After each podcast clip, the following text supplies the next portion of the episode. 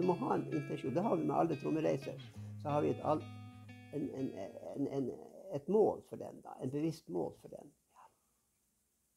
Så du sier at du bør ha en intensjon for å meditere? Ikke for å meditere for meditasjonens skyld, er det det du sier? Ja.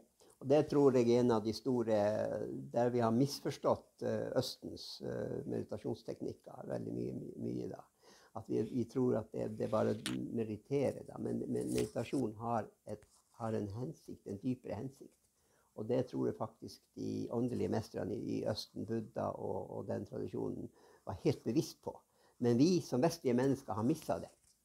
Hva er et eksempel på en intensjon? Ja, altså En intensjon kan jo være altså, kan si trommereise, så Den første trommereisa det er jo for å gå ned i, i, i, i underverden, så å si, for å finne sine kraftdyr. Det er den første. Men når, det, når du har funnet kraftdyra, så kan det jo neste trommereise være å undersøke kan jeg få noen slags guidning for dagen. da. Og det samme med setter du ned eh, og mediterer, så er det at OK, jeg vil ha en meditasjon som, som gir meg klarsyn og god energi den dagen. da. Eller du har et stor, stor utfordring, da, noe som skal skje da 14 eh, dager fram i tiden. Da setter man det som fokus. Så det kan være veldig forskjellig veien fram dit som fokus, da, eller akkurat det møtet som skal være. La oss si at det skal i en, en, en rettssak. Da. da må jeg jo sette det som fokus i meditasjonen. Forstår du? Eller det er jo tusen andre hendelser. Det behøver ikke være så dramatisk som en rettssak. Det kan være et, eh, en gjenforening med en familiemedlem som man ikke har sett på lenge, eller hva, hva, hva som helst. Får du hjelp fra guidene? Er det det vi snakker om? Ja, presis. Det er jo det du sier. Eh, med et andre ord, ja. Du ber jo guiden om hjelp i meditasjon. Ja.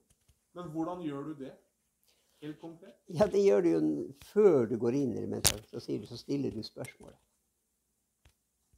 Ja, ja nå ønsker, ønsker jeg at mine åndeguider, den spirituelle, uh, gamle, kloke forfederen, kommer og viser meg veien. Og så får, får du dette ikke i klartekst. Du får det ofte i symbolsk. Og hvis ikke, hvis ikke spørsmålet er rett stilt, får, og, og, for tidlig stilt, så får du ikke klart svar. Hvordan kommer svaret? Ja, Det kan komme med, med, med, med et klarsyn, med et bilde. Det kan komme med en, en, en intensjon, en, noe som bare faller ned i kroppen din. En intuisjon i kroppen din. En tanke, en tanke, tanke presis. Ja, absolutt. Det kan komme på mange forskjellige måter. Det, fordi at vi har jo den indre verden. Men vel så viktig er jo den ytre verden.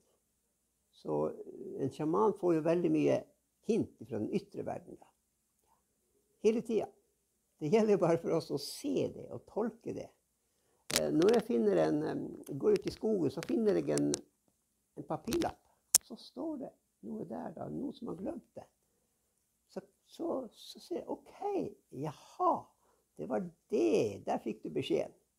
Der fikk du beskjed. Eller du får det av, av, av kråka som, som er en vis som en visfugl. Kra, kra, kra, kra. Jeg husker mange ganger når jeg har hatt kurser og sånn, da.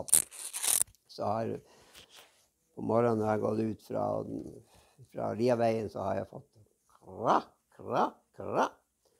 Og da sier den Eirik, i dag får du utfordringer. I dag må du være skjerpt. Må du være skjerpt.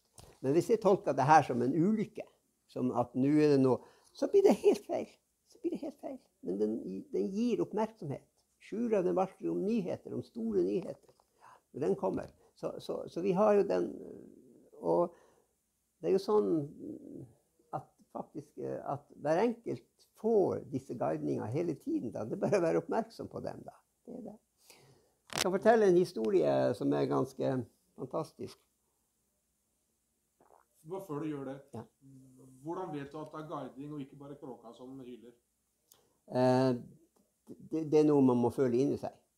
Og så har vi alltid en kritisk en kritiker i deg. Du har Terje kritikeren. Du skal lov, få lov å kritikeren Terje også være til stede. Det er veldig viktig. Vi har en kritiker, han Eirik har en kritiker. Og iblant så må man gå til andre personer og få hjelp for å, for å få kritikken. Så sånn er det, ja. Mm. Så historien Ja, ja. Jeg satt og leste en um, Castaneda, en bok som min gode venn Jørgen Eriksen har skrevet da, om Castaneda, den berømte sjamanen. da. Satt, og det var tidlig om morgenen, da, så satt jeg med ovn og fyrte. Så hadde jeg mobiltelefonen på bordet. Og plutselig så hørte jeg en rar lyd fra, fra mobilen. da. Og ikke en vanlig sånn plingelyd som varsel. Nei, det var brrr, noe sånt. Så gikk det dit og se hva det var slags greie det her.